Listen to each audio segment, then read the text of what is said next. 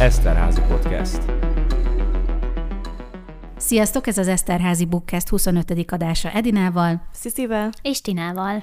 A mai adásban a kedvenc könyveké lesz a főszerep, méghozzá úgy, hogy kitaláltuk, hogy a nyáron szeretnénk egy kihívás elé állítani magunkat, és úgy döntöttünk, hogy választunk egymásnak egy-egy könyvet, ami szerintünk tetszene a másiknak, és most fogunk majd ezekről beszélni, hogy milyen könyveket adtunk a másiknak, és hogy mi volt az előzetes reakciónk, valamint a későbbiekben fogunk majd spoilermentesen beszélni a könyvekről, azért elég sok könyvről lesz itt szó, szám szerint 6 darab könyvről, szóval tartsatok velünk, mindenféle témában lesz itt fantasy, illetve ifjúsági könyvek, szóval eléggé színes lesz a paletta, szóval tartsatok velünk.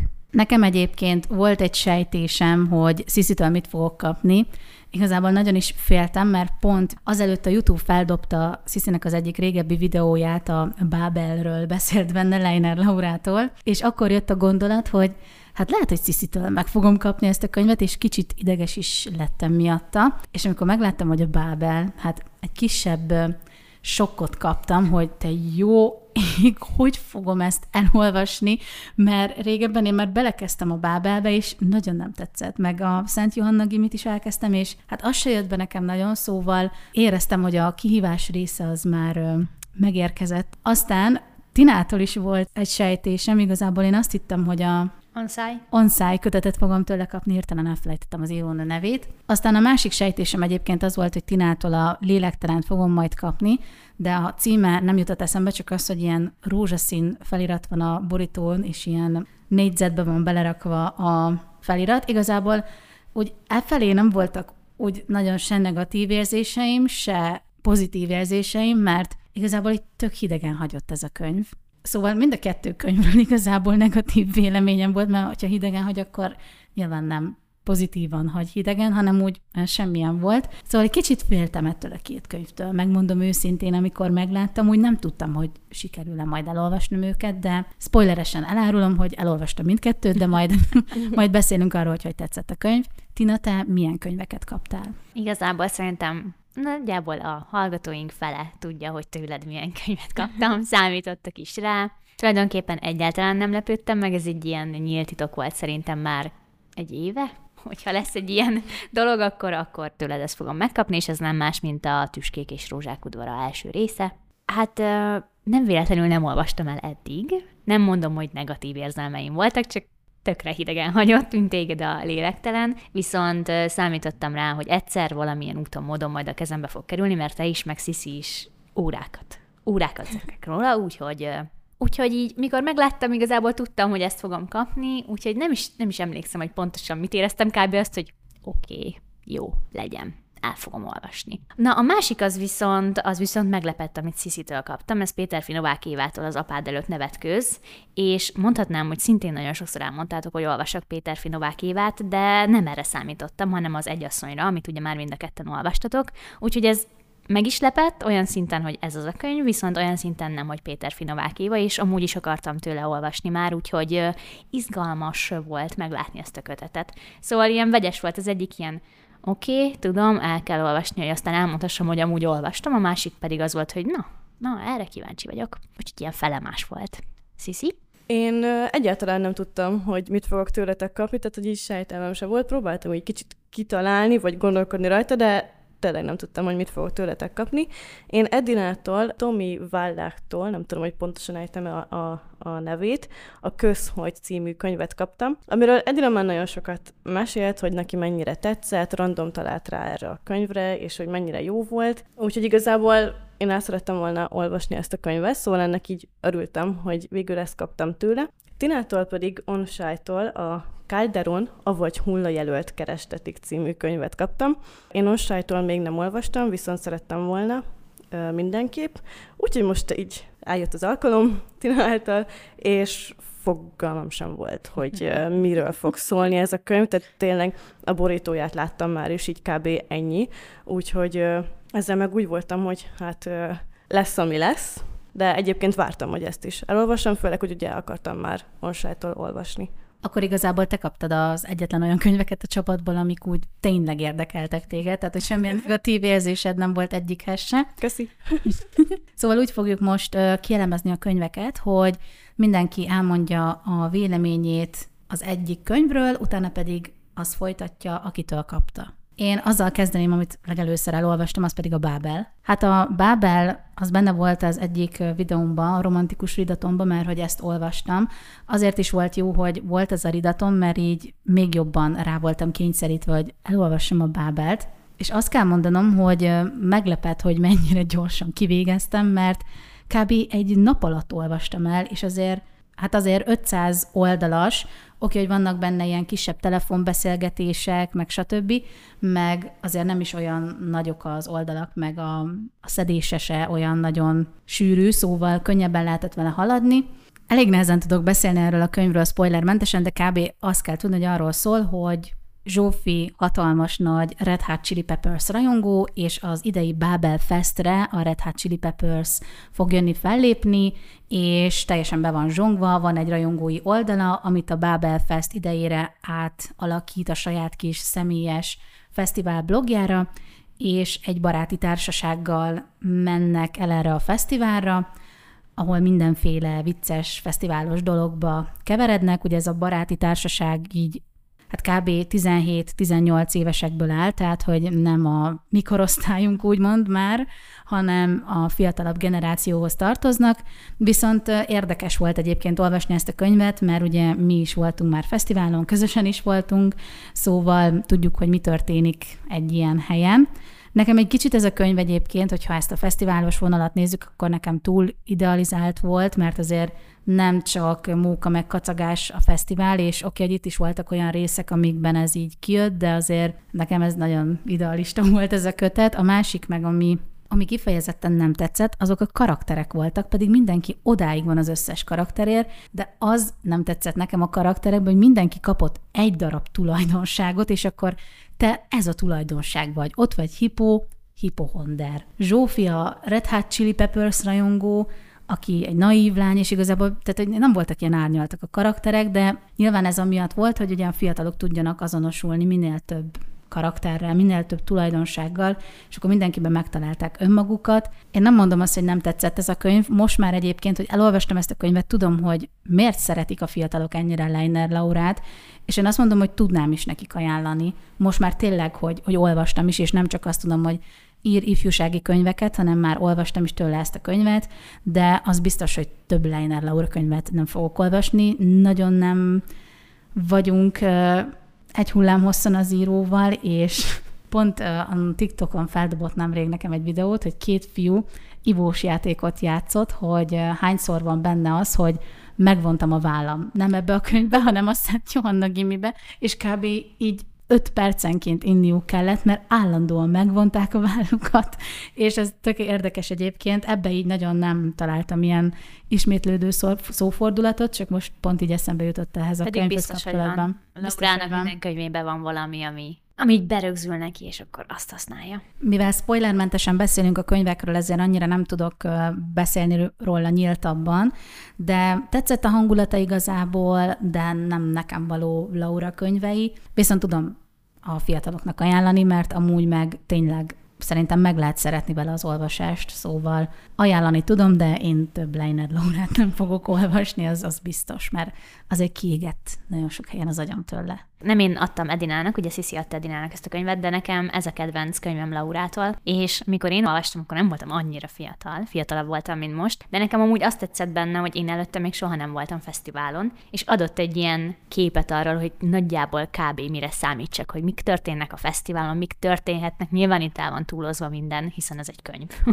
Úgyhogy minden is történik velük, de hogy így tök jól, ahogy te is mondtad, hogy igazából a hangulatot teremtette meg, hogy milyen egy ilyen fesztiválon lenni. Nekem annyi kérdésem lenne, hogy az mennyire jött át neked, hogy bár ott vannak a fesztiválon, de mintha nem lennének a fesztiválon, mert így koncertekre nem nagyon járnak el. Hát igen. Hát egyrészt az, meg hogy a könyv teljes egésze kb. arról szól, hogy Zsófit ott hagyják, és ő szerencsétlenkedik végig, Igen. amit tényleg nem tudtam hova tenni, mert nem értettem, hogy egy 17 éves lányt hogy hagyhatnak ott a barátai egyedül egy fesztiválon. És ez nagyon felidegesített. Mert azért, aki járt már fesztiválon, az tudja, hogy ha egyedül hagyunk valakit, ott biztos, hogy történik vele valami. Meg nem hagyunk egyedül senkit. Ez meg az Azért másik. többen egyszer. Ez meg a másik. Tehát, hogy egyedül egy fesztiválon ugyan mi jó abba?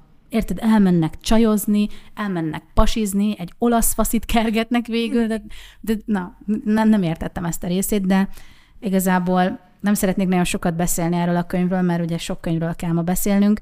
Nekem az a véleményem róla, hogy olvassák el a fiatalok, kapnak egy képet a fesztiválról, de ami ebben a könyvben van, az nem egy fesztivál. Tehát a hangulatot átadta, de az, ahogy, ahogy viselkednek benne, az szerintem abszolút nem a, a realitás talaján van, hanem tényleg el van túlozva, meg nagyon idealistán mutatja be a fesztiválokat, de ahhoz meg tényleg jó, hogy kapjanak egy képet, hogy milyen hangulat van ott, csak közben meg a rossz dolgok nincsenek benne, amik ott vannak. Sziszi, erre számítottál, hogy Edina ezt fogja érezni? Nagyjából igen, egyébként. Én is amúgy 21 voltam, már 2020-ban olvastam a Bábelt, és igazából azóta is csak ezt olvastam Leiner Laurától, és ugye pont az volt az az időszak, hogy karantén volt, és nem mehetünk fesztiválozni. Én meg Edina ugye előtte már voltunk fesztiválon, előző évben. Szóval nekem amúgy azért tetszett, hogy már, ahogy Edina is mondta az előbb, hogy átadja a fesztivál hangulatot nagyon. De egyébként gondoltam, hogy így a fiatalabbakról szól, ugye, és az ő gondolkodás módjuk van benne, úgyhogy gondoltam, hogy az annyira nem fog tetszeni Edinának, de legalább hát arra számítottam, hogy legalább azt tetszeni fog neki, hogy, hogy azért mégiscsak fesztivál, és hogy annak a hangulatát átadja. Igazából nem a fiatalok gondolkodásmódja nem tetszett, hanem hogy abszolút nem voltak realisták a karakterek, tehát azért oké, okay, hogy van ugye Hippo, a Hippohonter srác, igazából csak őt jegyeztem meg, hogy vele mi van, mert teljesen nevetségesnek gondoltam az ő karakterét, és egyébként itt volt egy kis átfedés a mi sztorinkkal, mert ugye velünk is volt egy olyan gyerek, aki állandóan mérte ugye a vérnyomását, mert, de, ő nem azért, mert Hippohonder volt, hanem mert neki kellett, de az, hogy állandóan ment a az első segélysátorhoz, meg hisztizelt, hogy neki van egy izé a karján, hogy ó, most rákot kapott itt fesztiválon. Vicces volt, meg oké, okay, de nekem, tehát ezek nagyon le voltak sarkítva. Tehát azért fiatalokról vannak olyan könyvek, amikor olyan karaktereket kapunk, hogy így eldobom az agyam, hogy milyen realistán van bemutatva, hogy hogy gondolkodnak a fiatalok. Itt nem ez volt, de nem is ez volt a lényege, mert ez egy fesztiválról szólt. Amúgy nem beszélek róla negatívan, mert amúgy nem volt egy negatív élmény, csak nem fogok több Leiner Laurát olvasni, nem nekem való, úgy érzem. Abszolút nem. Sziszi, akkor most te jössz a tőlem kapott könyvvel, és most egy kicsit félek, de hát, ha jó véleményed lesz róla. Ugye, mint említettem, ez Tomi Válláktól a Közhogy című könyv. Nagyjából tudtam már, hogy miről szól, mert ugye Edina elmondta, hogy van benne egy srác, aki nem beszél, őt egyébként Szanténak hívják, aki találkozik egy nagyon különös lányjal, akiről hát most kicsit spoiler, nem derül ki konkrétan, hogy akkor most hány éves. Mert egy eléggé hát unreal számot ad meg, és akkor így, így nem tudjuk akkor, hogy pontosan mi van, és igazából az ő kapcsolatukról szól, hogy hogyan ismerkednek meg, és uh, mi történik uh, velük. A lány öngyilkos akar lenni, ettől több uh, spoilert nem szeretnék mondani. Nekem a hangulata tetszett igazából a könyvnek, nem tudom miért olyan fura hangulata volt, de olyan jó érzés volt olvasni. Az volt benne a fura, amit már amúgy tudtam Medinától, hogy Szenté nem beszél benne. Tehát ők úgy kommunikálnak, hogy Szentének van egy naplója, és abba írogat, vagy épp jelbeszéddel beszél Zeldához. Ő a főszereplő lány, akinek egyébként Tóth a vezetékneve, csak úgy halkan megemlítve. A lányról azt kell tudni, hogy ő ilyen nagyon hiperaktív mindenféle dolgot szeretne csinálni, ott bekapcsolódik Szentének, hát úgymond baráti társaságának, mert ő azért eléggé antiszociális, viszont van sok ismerőse így a suliba, amit amúgy általában skippel, csak így Zelda miatt mégis bement ilyen délutáni foglalkozásokra, meg elment buliba, ami egyébként rá, rá nagyon nem volt. És hát a lényeg a könyvnek igazából az, hogy Parker pályaválasztás előtt áll, viszont nagyon céltalannak érzi az életét, mert azt egyébként el lehet mondani, ez nem spoiler, Parker azért nem beszél, mert meghalt az édesapja, és akkor ő kb. némaságot fogadott, hogy ő innentől kezdve akkor nem fog beszélni.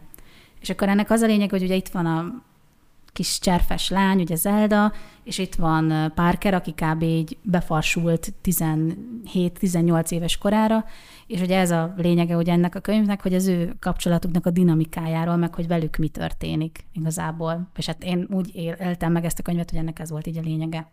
És hogy tetszett a könyv egyébként?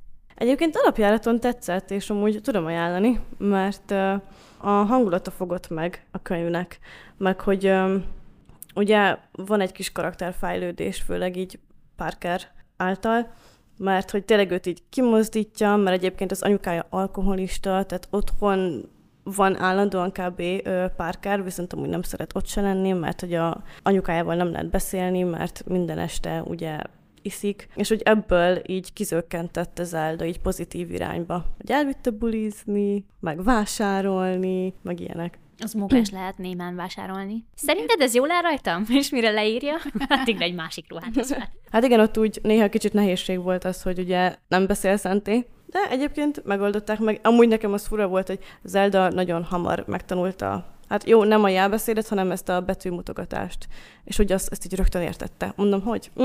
És Eddi, nem miért adtad ezt Sziszinek? Vagy miért pont erre esett a választás? Hát azért adtam Sziszinek, mert amikor még Koliban egy szobában laktunk, ugye pont nézegettem az Alexandrának az oldalát, és megláttam ezt a könyvet, azt mondom, Sziszinek, mondom, nézd már, milyen jó, kösz, hm. hogy, hát ú, milyen jó ez a borító, és akkor megrendeltem, és igazából ezért adtam ezt a könyvet neki, mert én úgy gondoltam, hogy tetszeni fog neki, mert szerintem egy tök érdekes történet, főleg az, hogy igazából nem egy fantasy, de Zelda miatt, mert ugye ősz a haja, sokkal idősebbnek vallja magát, és azért egy kicsit van benne egy ilyen titokzatos fantasy szál, ami így megadja a könyvnek a hangulatát, mert nem tudod, hogy mikor fog ez a dolog összedőlni, meg ugye Zelda már a könyvnek az elején közli, hogy ő öngyilkos lesz, és nem tudod, hogy na vajon mi lesz a végén, mi fog történni. Szóval szerintem nagyon érdekes könyv, meg amit még itt megemlítenék, hogy ugye Parker amúgy egy író, és nekem, ami a legjobban tetszett a könyvbe, az az volt, hogy voltak ilyen saját mesí, amiket ő írt a saját életéből merítve. Szóval szerintem nekem az is nagyon tetszett. Engem teljesen elvarázs volt egyébként ez a könyv, amikor olvastam. Nem tudom, hogy most már hogy tetszene, mert azért azért már elég régen olvastam, de mindenkinek mindig ajánlom, mert szerintem egy nagyon jó könyv. Rövid, könnyen olvasható, és nekem igazából nagyon tetszett, és ezért is akartam, hogy Sziszi is elolvassa. Azok a kis történetek egyébként nekem is nagyon tetszettek, mert így konkrétan le vannak írva, ezt most Tinának mondom, meg a hallgatóknak, hogy konkrétan le vannak írva ezek a kis történetek. Hát ilyen oldalas történetekről van szó. Nekem az nagyon tetszett, hogy konkrétan az egész így le volt írva. Nem csak az, hogy hát most írt egy ilyen sztorit, olyan sztorit így nagyjából leírva, hogy mi van benne, hanem tényleg az egészet elolvashattuk. Hm. Még a végén én is el fogom olvasni. Kölcsönadom bárkinek. Akkor most adjuk át Tinának a szót. Tina, kérlek beszélj arról a könyvről, amit tőlem kaptál. Amit már mindketten, vagy most már mindhárman olvastunk. Igen. Milyen vidáman mondja, amit tőlem kaptál. Én ezt olvastam másodszorra, tehát először egy idányt olvastam el, és ez azért volt fontos, mert ugye az egy hosszabb könyv, és úgy voltam vele, hogy hát ez tök könnyű lesz elolvasni, amit tőled kaptam, mert ez, ez ilyen kis vékony, biztos izé, tök hamar túl leszek rajta. És hát ugye Péter Finovákéva Apád előtt nevetkőz című könyvéről van szó, ami hát egyébként ebből a címből az ember már gondolhatja, hogy miről fog szólni. Nyilván a családon belüli erőszak, az abúzus és a szexuális bántalmazás témája körül forog, és egy kicsit úgy tudnám leírni, hogy olyan, mint amikor egy balesetet nézel. Tehát így nézed, rosszul érzed magad, ilyen, ilyen rossz érzés, ilyen nem kéne oda nézned, nem kéne ezt nézned, miért nézel te ide bele. Szóval valami ilyesmi érzés volt, és pont mentünk a Balatonra hajózni, és gondoltam, hogy a, a balatoni nyaralás előtt ez tök jó. Nem tudom, hogy miért gondoltam ezt. És igazából az történt, hogy kicsit bedugult az M3-as, és tulajdonképpen mire Egerből leértünk a Balaton, én ezt kiolvastam. Uh-huh. Tehát ott a kocsiban, ott hátul, tök ilyen annyira fura érzés volt, mert így el voltam nyilván egy kicsit zár volt a hátsó ülésen, így egymagamba, de mégse voltam egyedül. Ha kinéztem, akkor ugye autók, meg táj, meg mit tudom, és így totál tudathasadásos volt. És kb. azt hiszem a, a felénél így egy, egy ilyen tíz percre így félreraktam, mert mondtam, hogy biztos el akarom én ezt így most egy ültőhelyemben olvasni? Hogy nem kéne ennek egy pár nap, mire így leülepszik bennem? Vagy én csak így lassabban olvastam Igen, egyébként. hogy ne ilyen... Tehát, hogy voltak olyanok, hogy én is letettem. Hangulatban érkezzek meg a Balatonra, ahol majd buli, meg havarok, meg minden, és így de végül csak visszavettem, és csak elolvastam, és hát azt kell, hogy mondjam róla, hogy ugye ez volt az első kötetem Péter Finovákiától. Hát belekezdtél rendesen. Igen, de, de, de hogy nagyon fontos. Tehát, hogy, hogy, hogy én ezt így mindenkinek odaadnám, mert nyilván ne legyünk naívak, a világban nagyon sok családban van szexuális bántalmazás, lelki bántalmazás, fizikai bántalmazás. Ugye nyilván nem akarok spoilerezni, de hogy az a lényege, hogy egy kisfiút és egy kislányt látunk, akiknek a későbbiekben majd kiderül, hogy mi a kapcsolata. Nyilván én már az elején kb. kitaláltam, hogy ők milyen kapcsolatban vannak egymással, de hogy a kisfiú, ő, neki meghalnak a szülei, és nevelőintézetbe kerül a kis hugával. Ki kell emelni, hogy a Sajórösi nevelőintézetben, ahol én lakok. Igen. A kislány pedig, pedig igazából egy ilyen furcsa családban nő fel, igazából, ezt tudom így az elején elmondani, és akivel nagyon jóban van, az a nagypapája. Tehát neki a nagypapája jelenti kb. az egész világot, ő beszélget vele, ő foglalkozik vele, stb. Na de az, amit ezek a karakterek átélnek, tehát hogy, hogy, hogy nevelőintézetbe kerül a fiú, ott hogyan bánnak vele a társai, hogyan alakul az élete, amikor kikerül a nevelőintézetből, hova kerül, ott hogyan bánnak vele, tehát hogy spoilermentesen uh, igazából csak annyit tudok elmondani, hogy annyiféle bántalmazást megél ez a gyerek, hogy én nem csodálom, hogy mi lesz belőle a végén. És azért mondtam, hogy ilyen rossz érzés volt olvasni, mert az jutott eszembe, hogy ez akár a mai nap is megtörténhetne. Igen. Mert ugye kicsit visszamegyünk, az 1920-as években játszódik, de tulajdonképpen ami ebben a könyvben megtörténik, én azt el tudom képzelni, hogy ez a mai nap meg tud ugyanígy történni egy nevelőintézetben, ugyanígy meg tud történni egy árvafiúval, ugyanígy meg tud történni egy látszólag normálisnak tűnő családban, egy kislányjal, és így, ú, nagyon rossz volt. És nagyon jó volt. És ilyen ültem ott a kocsi hátsó ülésén, és így olvastam, és így azon gondolkodtam, hogy te jó ég, te jó ég. És, és aztán, aztán meg ugye elér, elért az ember a végére, és akkor ott Péter Novák Évának van egy ilyen jegyzete, ez szerintem nem spoiler, hogy ez nem egy történet, hanem meghallgatott egy csomó ilyen Igen. történetet, és abból gyúrta össze. Lehet, hogy ezért is érzem azt, hogy annyi minden történt velük, hogy ennyit szinte már nem bírnál egy gyerek. De közben meg azt gondolom, hogy sajnos itt Magyarországon nagyon sok kisgyerek él ilyen családban, vagy él nevelőintézetben, vagy kerül olyan nevelőszülőkhöz, akik, akik nem nevelőszülők tulajdonképpen. Szóval ez egy nagyon, nagyon nehéz kötet, ezt nem fogom eltitkolni senki elől, nagyon nehéz olvasni, viszont, hát hogy is fogalmazok, tehát viszont kell. Kell ilyen köteteket olvasni, mert nem akarok messzire menni, de, de szerintem mindenkinek a barátai körében legalább van egy ember, aki valamilyen bántalmazást már átélt élete során.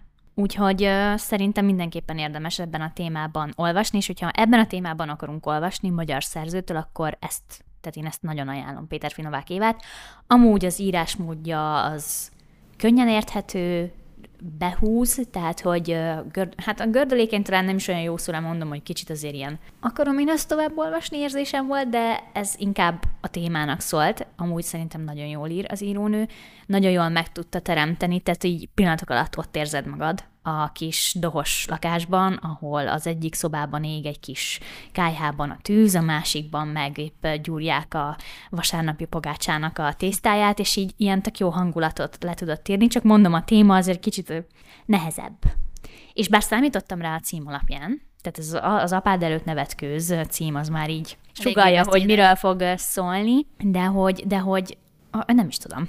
Tehát én nagyon örülök neki, hogy elolvastam. Annak is nagyon örülök, hogy ez az első kötetem Péter Finovák nyilvától, mert ez így nagyon, nagyon jó, mondhatom. Beavatott. Nagyon jó kezdés volt, és biztos, hogy fogok még tőle olvasni. És ami még nagyon fontos, hogy nem csak a tehát nem csak a bántalmazás része, hanem hogy hogyan működik egy család. Tehát, hogy, hogy amit gyerekkorodban látsz, hallasz, átélsz, az milyen hatással van rád felnőttként, és hogyan adott tovább te azt a gyerekednek. Tehát ezek a, hogy szokták ezt mondani? A családi kapcsolatok. I- igen, de Nagyon. nem erre gondoltam, hanem a traumákra. Transgenerációs traumák, azaz. Azok, amiket tényleg, amiket te átélsz, olyan szinten módosítják az egész személyiségedet, hogy van, hogy észre se veszed, hogy aztán úgy adod át, vagy úgy meséled, vagy úgy beszélsz valakinek, hogy azért beszélsz úgy, mert ez történt veled öt éves korodban.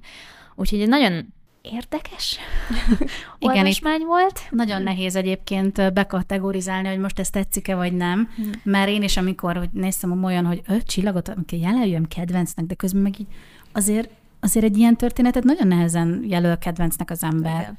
És én, én nagyon, nekem a, az apád előtt nevet közzel az volt a nem problémám, hanem hogy én is amúgy buszon olvastam, de ott a közepén le kellett tennem, mert egyszerűen rám jött a hányinger, de komolyan. Szerintem mindannyian tudjátok, hogy melyik résznél. Uh-huh. Szerintem ezt Tiszi nevében is mondhatom, nekem azért volt nagyon durva ez a könyv, mert ugye Diós Györgyben játszódik az mhm. eleje, és annyira láttam magam előtt, mert ott Diósgyőrben én tudom, hogy hol van ez a temető, ugye a domboldalon. Igen. És anyukámék meg még ott éltek is kint a, ugye a munkás lakásokba, tehát hogy olyan szinten láttam magam előtt az egészet, hogy elképzeltem azt a téglavörös házat, mert ugye ott ilyen téglákból vannak, rak, nézd meg, kirázott a ideg, tehát így téglákból ugye ki vannak rakva ezek a házak, ott van a szőlőlugas, ugyanolyan szőlőlugasok volt, volt kint egy, egy mosdó is, ugye egy pattyantós WC, most ezt ki- kimondom, mert igazából az, és ugye ott is történtek dolgok, és Jézusom, nagyon durva volt ez a könyv.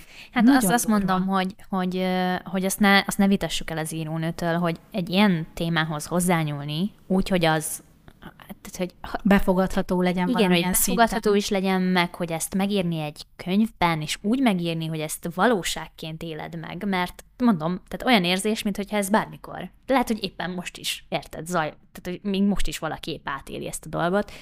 Úgyhogy, úgyhogy ezt mindenképpen szeretném mondani, hogy nagyon, azt mondom, nagyon nehéz kimondani, de amúgy ez egy nagyon jó könyv, mert nagyon jól megírta az írónő. Téma, az viszont elég nehezen emészhető, nyilván kinek mennyire érzékeny a lelke ezekre a dolgokra, de szerintem, tehát én amikor befejeztem, alapjáraton öt csillag volt, tehát így mondtam, én, nem írtam hozzá értékelést, mert épp leértünk a Balatonra, de hogy a következő két-három napomra így rányomta a bélyegét, hogy így, hogy igen, tehát ilyen dolgok történnek, és, és az ember igazából sejti, vagy látja a jeleket, de nem szeret belegondolni, nem szeret ilyenekről beszélni, nem szeret ilyenekről olvasni, és pedig kell. Kellene, igen. Úgyhogy, úgyhogy most visszautalnék egyébként egy pár podcast ezelőtti részünkre, ahol azt beszélgettük, hogy mik lehetnének a kötelező olvasmányok, és szerintem Péter Finovákéval mindenképp megérdemelni, hogy ott legyen a kötelező olvasmányok között. Nem biztos, hogy ezzel a kötetével,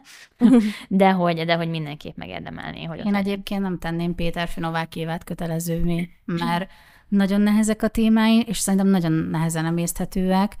Talán, hogyha úgy lenne, egyetemen tenném kötelezővé, és ahogy mondtad is, hogy mindenki kezébe oda nyomnád, én is oda nyomnám nagyon sok ember kezébe, de azért valljuk be, hogy azért egy eléggé tehát én, én sem találok rá szavakat, hogy milyen könyv. Nagyon megterhelő, és például én azért erősnek gondolom magam lelkileg, de azért letettem, mert azért volt az a rész, amikor kb. felfordult a gyomrom, és én például így én nem adnám kötelezőnek, de nagyon azt mondanám, tehát mindenkinek ajánlom, de csak úgy, hogy legyen tisztában azzal, hogy lelkileg megterhelő könyv.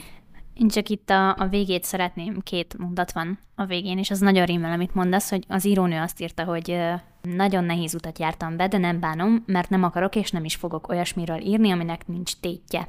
Elkerülni a nehéz témákat, gyávaság, én pedig nem akarok gyáva könyveket írni. Hát igen, ez kb. így leírja Péter Finovákévet, és azt nem tudom, hogy mennyire tudjátok, hogy amúgy az írónőt nagyon durván támadták emiatt a könyv miatt. Tehát, hogy nagyon csúnya értékelések vannak. A molyponton is, hogyha megnézed, meg olyan cikkek vannak róla, hogy Hát pont azért, mert ez egy olyan téma, ami, polgárpukkasztó ami megrázó. szinten. mert Egyébként nem ugye- tudsz vele semlegesnek maradni, tehát valamelyik oldalra el fogsz billeni, vagy azt gondolod, hogy minek vannak ilyen könyvek, minek beszélünk ezekről, miért kell ezt elolvasni egy könyvben.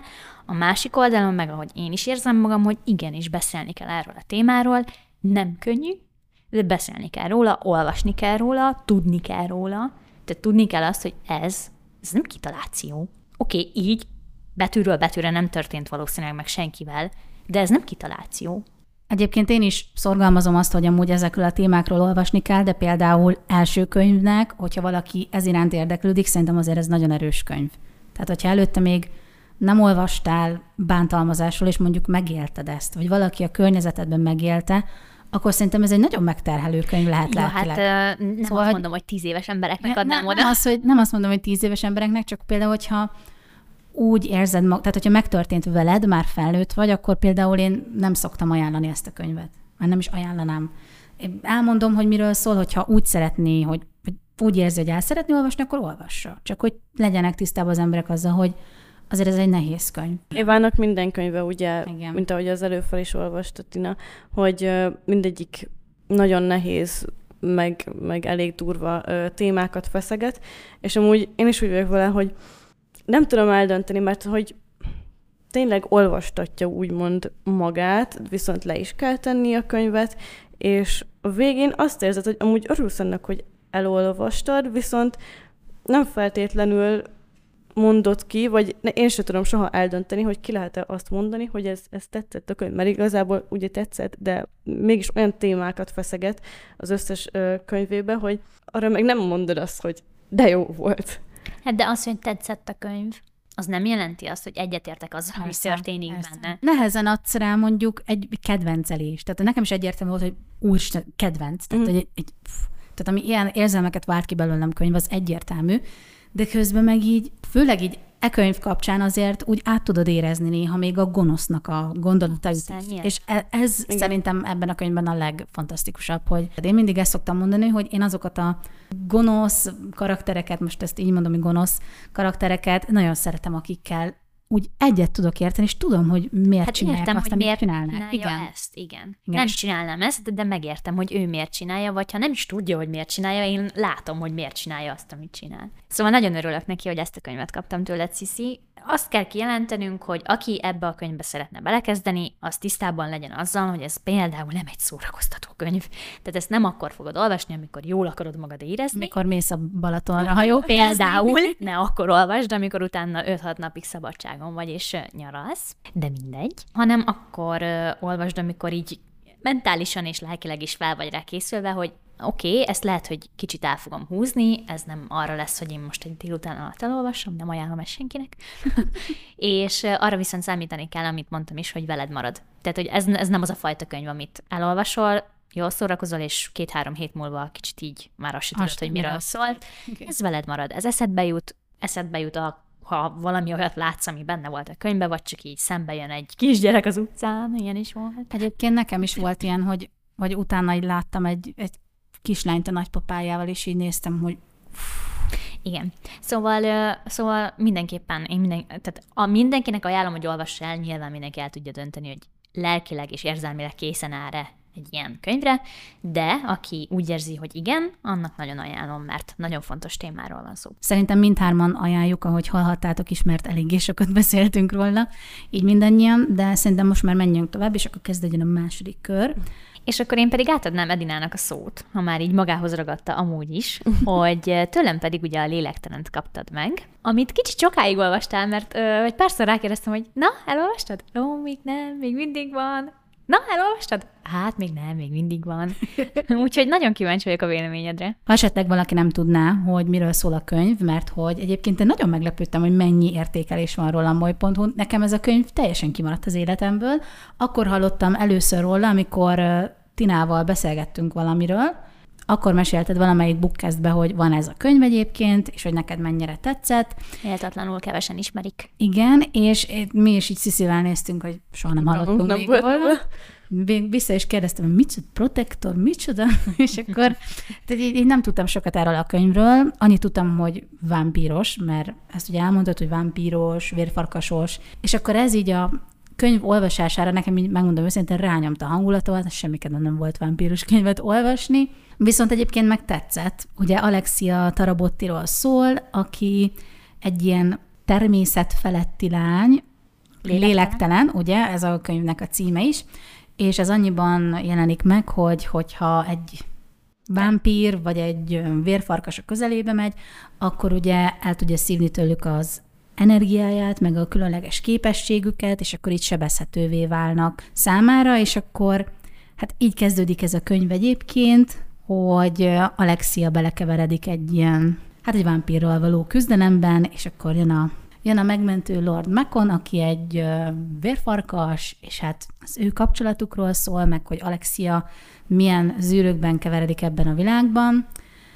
Meglehetősen szenvedtem egyébként az olvasással, nem azért, mert nem tetszett egyébként, azért, mert pont olyan helyzetben voltam, hogy nem csúszott most ez a fantasy annyira jól, most inkább ezek a romantikus könyvek pörögnek nálam egyébként, de egyébként annak jó volt, hogy így átvezetett most egy kicsit vissza ebbe a fantasy világba, szóval egy nagyon jó kis átvezető volt, hogy újra elkezdjek ilyen könyveket olvasni. Nekem egyébként tetszett a lélektelen, tudnám ajánlani egyébként sok embernek, viszont nem mindenkinek, mert egy kicsit tényleg szenvedtem az olvasással, mert valahogy nem csúszott, nem, nem tudom megmondani, hogy miért. Viszont tetszettek benne a karakterek, tetszett benne ez a kor, meg ez a világ, amit leírt. Nekem nagyon szimpatikus volt Lord Macon, vagy hogy mondjam, eléggé ilyen Jacobosnak képzelném el, csak ilyen korabeli külsővel. Jézusom. Igen. Is Jacobos. Pedig én úgy képzeltem el egy Hát ilyen... vérfarkas. Hát igen, de hát azért, mert Jacob a, a number one vérfarkas. Az első, akivel találkoztam. Igen, az első vérfarkas az életemben. Ö, ne, nem tudom most így hirtelen mit mondani a könyvről egyébként. Vagy tetszett a humora? Mert például nekem az azért is az egyik kedvenc sorozatom, mert nagyon jó humora van a könyvnek. Mókásnak találtad a könyvet? Nem, nagyon jó a humora. A karaktereknek az egész humor faktor abból jön, hogy ez ugye a viktoriánus korban van, ahova amúgy beilleszkedtek a vérfarkasok és a vámpírok, és betartják az illemszabályokat, ami abban a korban létezik. Tehát, hogy ebből az egész szituációból szerintem tök munkás dolgok sülnek ki. Voltak egyébként nagyon vicces helyzetek benne, amiken én is nagyon nevettem. Egy kicsit egyébként nekem a pokoli szerkezetekre hasonlított, mert ugye az is a viktoriánus Anglia, és ott ugye ányvadászok vannak, démonok, ott is vannak vámpírok. Kicsit lehet össze is mostam egyébként fejbe a, képvilág, a két világot. Öm, tetszett egyébként tényleg a humora, én nagyon jót szórakoztam rajta, csak azt sajnálom, hogy nem egy olyan időpontban olvastam el, amikor úgy úgy lett is volna hozzá igazán kedvem, mert, mert tényleg az utolsó száz oldalt azért olvastam el, hogy el legyen olvasva, és szerintem ez nagyon rányomta a bélyegét egyébként az olvasási élményre. Szóval bánom, hogy nem úgy kezdtem neki ennek a könyvnek. Van második része? Tudom, láttam, hogy, hogy több része van. Öt. Öt részes? És aztán pedig van egy spin-off is. De azt még én sem olvastam. Mert nem fordítják le magyarra. Hűha. Hát, ö, hát azt nem mondom, hogy szeretném egyébként folytatni öt részen keresztül, de benne van a fejemben, tehát hogy felkerült a térképemre, és szeretném elolvasni, mert hogy te ajánlottad, és amit te ajánlasz nekem, azt én mindig megfogadom. Főleg, hogyha azt mondjuk, hogy az első része annyira nem volt jó, és a második részt mindenképpen el kéne olvasni, akkor mindenképpen meg fogom fogadni. Hát Érzem igen, mint a tüskék és rózsákod volt, tudod? Kicsit sem volt lelki. Á, de hogy... Szóval elolvastad, ha én is elolvasom? Igen. Deal. Oké. Okay. Jó, hozom a következő részt. Jó. Én meg a következő kettőt, mert a tiéd sokkal vastagabb. Ez nem ér, mert azt tudod, hogy hogy fogod olvasni, mint egy ilyen, úgy, így el fog tűnni. Na de egyébként még annyit akartam kérdezni, hogy a karakterek hogyan tetszettek. Oké, okay, hogy Lord McKent össze most a Jacobbal, ezt félretettem, mintha meg se hallottam volna, de a többi karakter hogyan tetszett? Maga Alexia milyen volt szerinted? Nekem Alexi annyira nem volt szimpatikus, nekem túlságosan ilyen bedesz vagyok, meg nem érdekelnek a, a szokások, és annyi ilyen karakter van az ilyen történelmi, tehát Jó, hát most már annyi van, de mikor ez kijött, igen, igen. Hát nevezzük történelmi, na nem történelmi regény, hanem ilyen, történelmi ilyen period drámának szokták ezeket. Ilyen romantikus történelmi fantázió, milyen kategóriákat nyomunk itt. És hát annyira kirít ezzel, hogy ő az a karakter, az a lány, akinek megvan ez a plusz, ami miatt ő lesz a különleges, és akkor ő ezt tudja is magáról, hogy milyen különleges. Nekem pont nem így, nem így jött le. Nagyon érdekes most téged hallgatni, mert hogy pont az a lényege, hogy ő nem tudta, hogy mi ez a lélektelen. Tehát neki annó, mit tudom én, öt éves korában jött egy úr a természetfeletti minisztériumból, hívjuk így, és elmondta, hogy figyelj, amúgy te lélektelen vagy, és így öt évesen így nem nagyon tudott ezzel mit kezdeni, ezért elkezdett olvasni könyveket, hogy akkor biztos nem tud érzéseket táplálni mások iránt, mert nyilván nincsen lelke, hogy ez mit fog eredményezni, hogy valószínűleg soha nem lesz igazi családja, nem fog szerelmes lenni, akkor neki igazából a tudomány marad, meg ezek a száraz tények, és hogy azért mozdult el ebbe az irányba. De igen, igen, érdekes, ez is benne van, de nekem meg ez tényleg úgy jött le, mint hogyha ő lenne, tudod, a kiválasztott, hogy Ja. ó, te ez vagy, és akkor mindenféle dolog történik vele. Ez nekem már a könyvekben már annyira, annyira elcsépel, de egyébként a Tüskék és Rózsák udvarában is ugyanez van. És tök vicces, hogy itt annyira nem jött át a Tüskék és Rózsák udvarába, se jött át annyira, mert az első könyvet én se szerettem. Tehát, hogy így én nem értettem, hogy Sziszi miért van ennyire oda ezzel a könyvben. Még mondtam is neki, hogy amúgy neki, de ebben mi a tetszik, mert hogy én nem találtam meg benne azt a dolgot, amiért mindenki oda van, jó, Tüskék és Rózsák udvara, aztán már megértettem, ugye a második résszel. Lehet egyébként, hogy ez is csak egy ilyen bevezető kötet volt, és a későbbiekben fog ez jobban kiteljesedni ez a történet, szóval igazából érdekel a folytatás, de még, még nem most. De hogyha Egyébként- elhozod nekem, és én is elhozom a Tüskik és Rózsákodó második részét, elolvasom. Szuper, el fogom hozni, mert szerintem. Egyébként én azért ajánlottam neked ezt a könyvet, mert hogy ugye szereted ezeket a Bridgerton, ebben a korban Mhm. játszódó lédik, lordok, mit tudom én, és ugye ebben is Period drámákat. Igen, és azt gondoltam, hogy mondtad nekem, hogy mostanában kicsit túl vagy így a fantazikon, viszont azt gondoltam, hogy pont ez a, ez a kor, hogy hogyan alkalmazkodnak a bálok, amit tudom én, az így egy kicsit visszabillent, hogy mm. egy kicsit erről is szól, egy kicsit arról is, meg van benne egy ilyen nyomozószál, gondoltam, hogy van benne annyi plusz, ami ezt a fantazi vonalat egy kicsit így megemeli, úgyhogy Valamilyen szinten sikerült egyébként, mert én pozitívan állok a folytatáshoz, csak most, most nem olyan időbe kapott el, de hogyha újra visszakerülök erre a fantasy mesdjére, akkor biztos, hogy na, nem adom Fogom. fel, hozom akkor majd a én második. is hozom neked a másodikat, nem hogy el. Na és ha már így felhájpoltuk ezt, hát szerintem már levághattátok, hogy hát Tinának nem igazán jött be a Tüskik és Rózsák udvara, és igazából amúgy arra a véleményre számítottam, amit ő mondott, mert hogy nekem is ez volt így elsőre a véleményem, hogy kb. így a felénél már tényleg így nem értettem, hogy mi történik, meg hogy miért szeretik ezt a könyvet ennyire. Szóval most át is adom Tinának a szót, hogy neki hogy tetszett. Tudom, hogy az előbb Sziszi jött utánam, csak most így pont így Igen, jó van. így át tudjuk ezt vezetni, szóval utána majd elmondod. Te amúgy is Tinától kaptad a Igen. sok könyvet, szóval itt tök jó lesz. Szóval Tina. Hát Vár, vár, vár még egy, egy megjegyzést, hogy kérlek ne fájjon annyira. Köszi. Jó, én is érzékeltem az igyekezetedet, hogy ne bánts meg az egyik kedvenc sorozatommal, úgyhogy igyekszem visszafogni magam. Az első, amit szeretnék mondani, hogy én nem vagyok címkéző ember, és bár a Péter Finovák ébába is volt egy darab címke, az annyira nem zavar, viszont Edina könyve tele van címkézve. És Igen, a nem köz, hogy is. Hogy miért vannak ott azok a címkék. És szerintem volt egy pillanat, amikor megkérdeztem tőled, hogy mi alapján címkézed, és te se tudtad elmondani, csak így, hát ami éppen tetszett ott. Én is Úgyhogy úgy szoktam megmondom címkézni. őszintén, hogy amikor olvastam, és láttam, hogy jön egy címke, már így előre így kicsit így befeszültem, hogy most akkor ott történni fog valami olyan, végre történik ott valami olyan, és egy csomó helyen így csak így random vannak címkék, egy ilyen szép szófordulatnál, vagy szép tájleírásnál, én meg így vártam, hogy na, biztos ott majd történik valami, és úgyhogy így nem tudom, mennyi címke lehet benne, egy 20, biztos. Maradjunk annyiban, hogy ebbe a könyvben hamarabb találtál szép fordulatokat, mint történés. Nem mindegy, csak hogy, hogy volt benne még ilyen elvárás, hogy a címkéid miatt ott, ott biztos ott. Na ott. Ezt elmondhattam volna egyébként, hogy itt a Tüskék és Rózsák udvaránál nekem fontos volt az, hogy így bejelölgessem a- vagy a karakterneveket, hogy később tudjam, hogy mi van, vagy amikor volt egy ilyen nagyobb leírás, hogy például, na most ez annyira nem spoiler, hogy Tamlinen van egy maszk, és amikor elmondták, hogy miért van rajta az a maszk, na ott én bejelöltem, hogy majd később vissza tudjak lapozni, csak még itt még nagyon az elején voltam a címkézésnek, és itt még nem volt egy kialakult rendszerem, hogy mondjuk külön jelölöm a dolgokat, mint most már azért külön jelölöm, és ez sajnálom, hogy megzavar téged, de hát, Arra számítottam, hogy minden címkénél történni fog valami oszta. hát már a úristen, hogyha meglátod a második részt, na attól szívinfarktust kaptam, uh még több.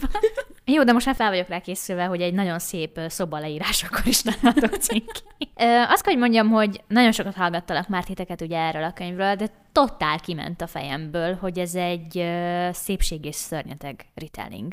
Tehát Hát az első rész. teljesen elfelejtettem, hogy ez De ugye a többi részében is vannak ilyen öm, eldugott. mesellemek. Igen, de az igen. már anny- annyira Sokkal nem több. jellemző. és így totál kiment a fejemből, úgyhogy, úgyhogy ilyen teljes nulla. Mondtam, hogy jó, e, igen, magasan vannak az elvárások, de én ezt most tudatosan visszacsavarom, mert már jártam így, hogy valamit felhájpoltatok, és mégsem olyan lett, úgyhogy mondtam, hogy nem, én akkor most ennek adok egy esélyt, és én nagyon próbáltam. Nagyon próbáltam, nagyon próbáltam. Megmondom őszintén, hogy a könyv első hány oldal ez? Sok. 500. 500. Az első 250 oldal. Felesleges. Hát igen. Szóval, hogy így megismerjük ugye a főszereplőt, akinek én a nevét végig Fejrének ejtettem, és ezt pont beszéltük az epizód felvétel előtt, hogy miért nem az elején van, hogy hogyan kell kiejteni a neveket. Persze, nyilván a legvégén én is megtaláltam, hogy hogy kell kiejteni a neveket, de akkor már mindegy volt, mert 500 oldalon keresztül már fejre volt, úgyhogy nekem ő most Igen, én is úgy olvastam egyébként, hogy a végén találtam meg. Igen, szóval ezt szeretném jelezni, hogy ez totál hülyén van megcsinálva, de emelkedjünk fel ezen, mindenki amúgy is úgy mondja a neveket, ahogy akarja, ez a jó könyvolvasásban. Próbáltam kapcsolódni vele, én értettem ezt a szegények vagyunk, nekem kell gondoskodni a családról, nem tanultam meg írni, olvasni a saját módomon, látom a világot, de nagyon távol áll tőlem. Tehát, hogy próbáltam, nagyon próbáltam átérezni, hogy milyen lehet, de sajnos azt kell, hogy mondjam, és most ezt nem az iskolázottságának mondom, de buta karakter. Nagyon buta. Tehát egy fejra nagyon buta. És egyébként én annyira az ő karakterét nem is szeretem. Én sem. Tehát, hogy ő, ő tipikusan az, hogy itt van egy főszereplő, aki nem szimpatikus, csak a világ, meg hát ugye majd a későbbiekben valaki. És az volt a baj, hogy az első tehát végig ugye az ő szemén keresztül látunk mindent, és az a baj, hogy az első fele a könyvnek nem érdekes, mert azt látjuk, azt tudjuk, amit ő tud, amit ő lát, amit ő gondol, és nagyon sokszor hülyeségeket gondol. Igen. tehát, hogy e, tehát, uh, nyilván ez nem spoiler, elviszik Tündérországba, mondjátok mi a neve? Pri- Pritia? Pritien. Pritien, azaz. Pritia. Mindegy, elviszik Tündérországba, hívjuk úgy. és azt hiszi, hogy, hogy minden, amit lát, az úgy van egy dolgot tud a tündérekről, hogy nem tudnak hazudni, ami kiderül, hogy nem így van. Tudnak hazudni. És így eszébe jut az első pár napon, hogy amúgy őt így simán megölhetnék, és aztán ezt így elfelejti. Meg hogy így, tehát, hogy, hogy annyira buta, sajnos nem tudok erre jobbat mondani. Hát tehát, buta. Hogy semmi. Tehát így, így két nap után megbízik mindenkiben. Megbízik Temlinben, Tamlinban, tök mindegy, hogy hívjuk, megbízik, uh, hogy hívják a? Lucian. Lucianben, megbízik a, Vagy nő, a nő, Lucien. Lucienben, megbízik a nőben, aki öltözteti, és így egyik pillanatról a másikra ő így szeret ott lenni. Elrabolták. Tehát elvitték. Stockholm szindróm. És ott, ke- tehát, hogy igen, és itt esett le, hogy ez egy szépség és szörnyeteg retelling. Itt ennél a pontnál esett le, hogy kiviselkedik így egy vadidegen helyen. Bell. Úgyhogy ott jöttem rá, hogy ja, hát igen, ér, ér, értem, hogy ezt így kellett. És akkor ö, nagyjából a könyv felétől, amikor ugye visszatér, nem nagy spoiler, haza kell mennie, nem mondom el, hogy miért, és aztán visszatér, hogy megmentse a szerelmét, na ez a másik, nyilván egymásba szeretnek, ez sem szerintem nagy spoiler, miért szeret bele Temlinbe? Nem csinál az az Isten verte főtündér semmit. Hát igen. Semmit. Elviszi sétálni.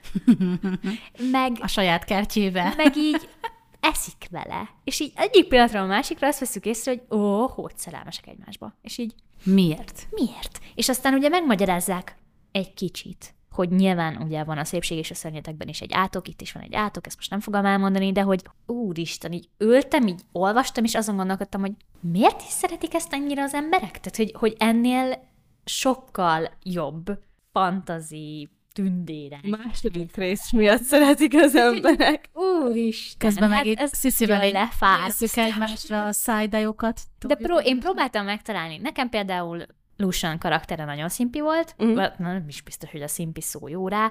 Próbáltam értékelni, hogy hogy van felépítve a világ, tehát hogy minden mást, ami nem fejre, vagy fejrú, körül, Fejra.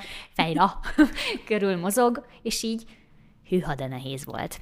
És aztán megérkezett a kötetbe Ryzend, remélem így kell kimondani a nevét, és nyilván az első pillanattól kezdve tudjuk, hogy mi lesz a vége, vagy legalábbis én számítok rá, hogy mi lesz a következő részben, de szerintem bárki, aki olvasta, az számít rá, meg a fejetekből is kitalálható.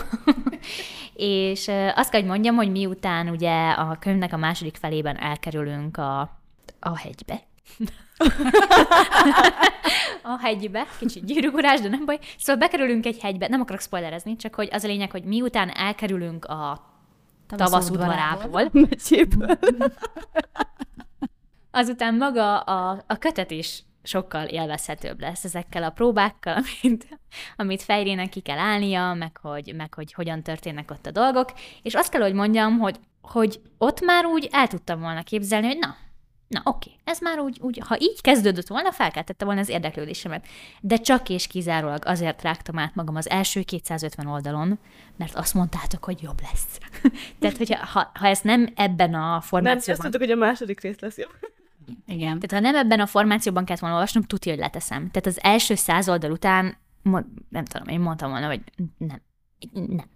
Akkor inkább elolvasom a második részt csak így standalone-ként, aztán majd rájövök, hogy ki kicsoda, de hogy, hogy próbálkoztam. Remélem értékeled, hogy próbálkoztam. És a második feléről egy fokkal pozitívabban tudok nyilatkozni. Ott is buta volt ugyanúgy a lány, tehát hogy ez De alapjáraton a karakteréhez tartozik, tehát ő egy buta karakter. Igen, meg hogy ott sem csinált semmit Temmin, még mindig. szóval igazából nem nem miattuk, tehát az a durva, hogy nem a két főszereplő miatt olvastam el ezt a kötetet, igyekeztem. Én azt mondom, hogy meg kellett volna sokkal jobban húzni, tehát hogyha az írónő kap egy sokkal szigorúbb szerkesztőt, lehet, hogy ebből tök jó könyvet össze tudtak volna rakni, ami fele ilyen hosszú, és nem szenvednek ennyit benne a semmiért. Viszont a vége az, az izgalmas volt. Tehát ahogy lezárult, vannak sejtéseim, hogy hogyan fog folytatódni. Volt egy-két ilyen horog, ami behúzott, hogy volt ilyen kis utalás, vagy történés, vagy pillantás, vagy valami, hogy na, na hát ebből látszik, látom képzelni, mi lesz. Úgyhogy nem mondom, hogy nem jó az a sorozat, nyilván nem is nyilatkoznék az első könyv után. Egy, egy könyvet, igen. Viszont az első könyv az, hát elég Kimondhatjuk. rossz. Igen. És az a helyzet, hogy azután, hogy már ti is mondtátok, hogy igazából a második a legjobb, meg hogy onnan kezdődik el, így nem volt bennem bűntudat ezzel kapcsolatban. Örülök, hogy elolvastam, mert most már elmondhatom, hogy elolvastam az első részt, akkor ezek szerint el fogom olvasni a második részt is. De hogy, hogy örülök, hogy végül ezt kaptam tőled, vagy hát annak örülök, hogy most már nem fogtok szekálni azzal, hogy de olvasd már el! De Hát most már azzal a második résszel. Szóval egyébként örülök neki, hogy elolvashattam. Nehéz volt, bevallom, őszintén. Nehéz volt, sokkal tovább tartott, mint gondoltam, hogy tartani fog, mert minden második oldalon felcsesztek a karakterek, de a második fele az már meglepően jó. Tehát az viszont például azt hiszem egy délután alatt. Tehát a második felét azt így ledaráltam, mert az úgy érdekelt.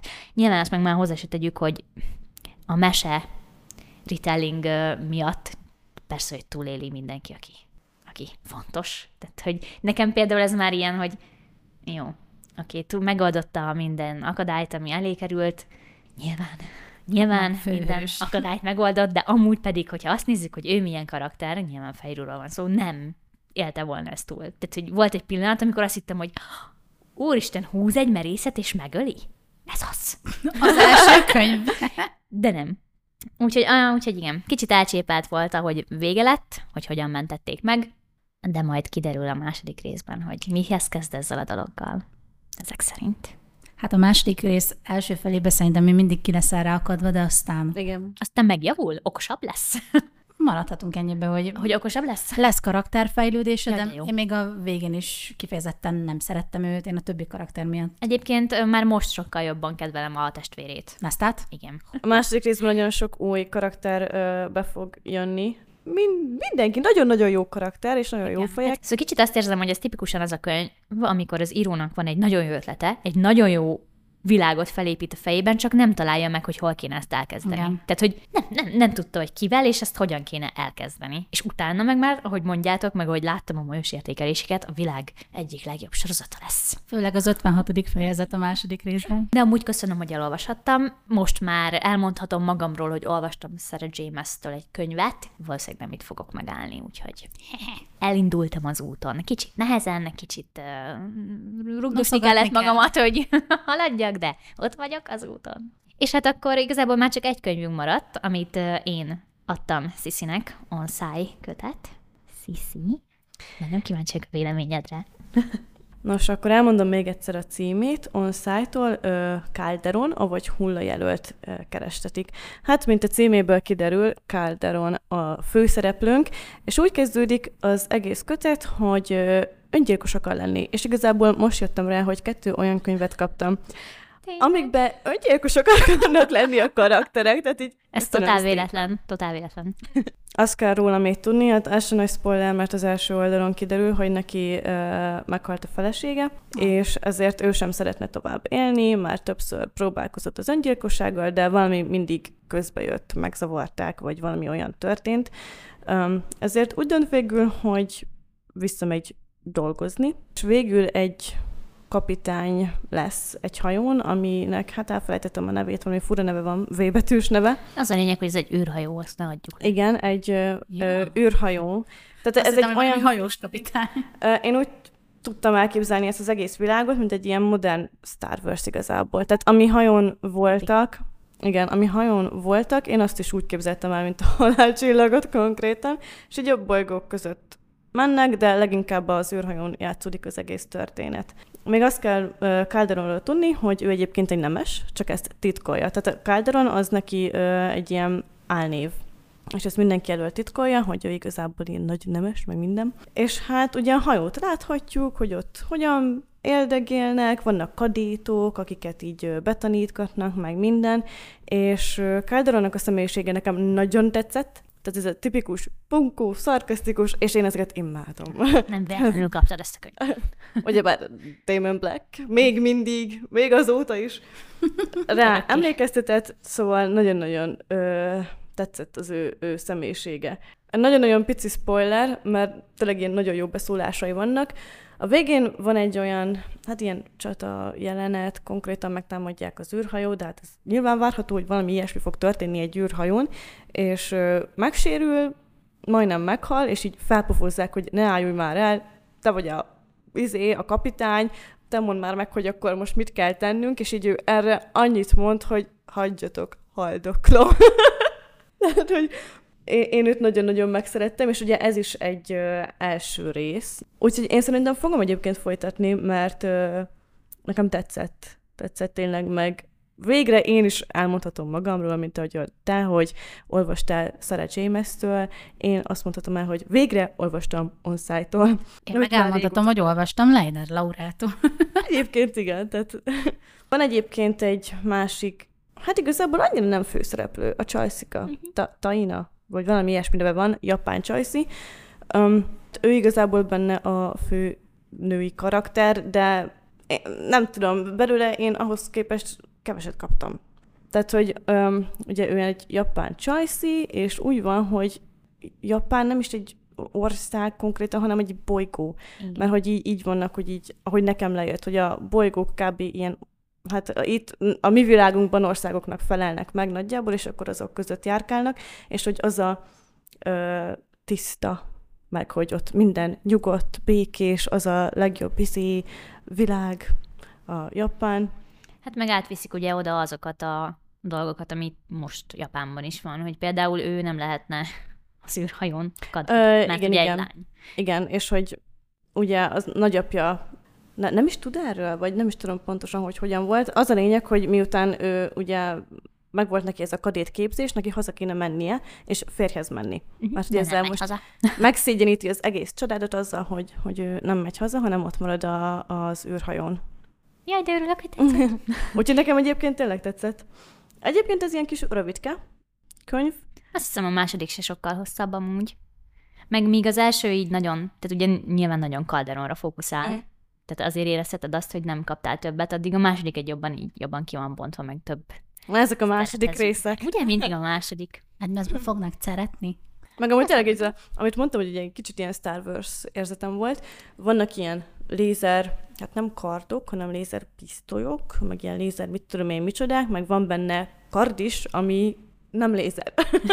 De ugyanúgy így, így ki lehet pattintani, mint a lézerkardot, tehát azért mondtam, hogy nekem így, így nagyon Star Wars-os hangulatom volt közben. Tehát mindig, amikor on-site olvasok, akkor van egy ilyen érzésem, hogy ez a spiritualitás, ez uh-huh. mindent körbeleng. És akkor ez jön így például a japán kultúrából, de ott van ez a skifi vonal, de ott is megvan ez a De spiritualitás. nagyon jól fel volt de hogy szerintem. Igen, úgy nagyon-nagyon érdekes az egész világ. Én ezért reméltem, hogy tetszeni fog, mert bár ebben is nemesek vannak, meg van egy hierarchia, azért az, hogy kint van az űrben, űrhajókról van szó, meg hogy skifi, nem tudom, mennyire szoktál skifiket olvasni. Például nekem azt hiszem ez volt az első skifi, vagy talán az elsők között volt, amit olvastam, és nagyon megvett amúgy Onszájnak a humora. Tehát én Igen. például azt nagyon szeretem. Tehát amit te is mondtál, hogy Calderon, tehát így hangosan felröhögsz, miközben olvasod amúgy. Úgyhogy örülök neki, hogy tetszett. Megfogott Calderon eléggé.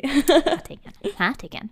Tudjátok egyébként most mit vettem észre? Már nyilván én annyira nem tudtam hozzászólni ez a beszélgetéshez, mert nem Te is olvastam csak Calderon. Ásványi Akadémiáról beszéltetek. Igen, tehát hogy ezért, hogy pont belegondoltam, hogy amúgy mindenki itt az asztalon lévő könyvek közül egyet nem olvasott el. Az összeset olvastuk mindannyian, csak egy darabot nem olvasott mindenki. Igen. Ennyi. Egyébként ilyen megállapításokat tettem. Most pedig itt a podcast végén szerintem ünnepélyesen cseréljük vissza a könyveket, amiből semmit nem fogtok látni, de higgyétek el, hogy megtörténik. Egyébként én nagyon örülök neki, hogy ezt megpróbáltuk. Tehát én egyáltalán nem érzem azt, hogy magamtól mostanában a kezembe vettem volna bármelyik könyvet, amit kaptam tőletek. És a nyára amúgy szerintem ez egy tök jó ilyen vállalás volt, mert uh, így felmértük, hogy nagyjából erre több idő kell majd, kinek milyen kedve lesz, lesz, stb.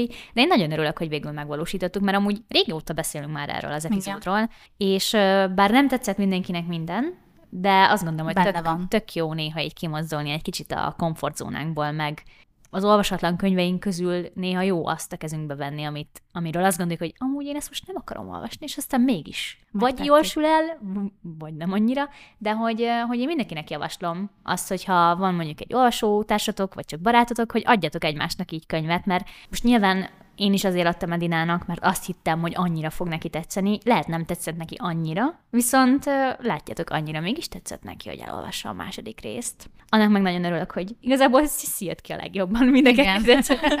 Úgyhogy szerintem azért tök jó ötlet, és én ezt így buzítok mindenkit rá, hogy ha van lehetőségetek, akkor ezt próbáljátok ki. Szerintem egyébként mi is fogunk még ilyet csinálni, mert amúgy nagyon tetszett nekünk ez a kihívás. Viszont már októberre kitaláltuk a következő könyvet, ami egy közös könyv lesz, ami a tavalyi évben jelent meg, ha jól emlékszem, és nagyon nagy hype kapott a Bookstagramon, Booktube-on mindenhol.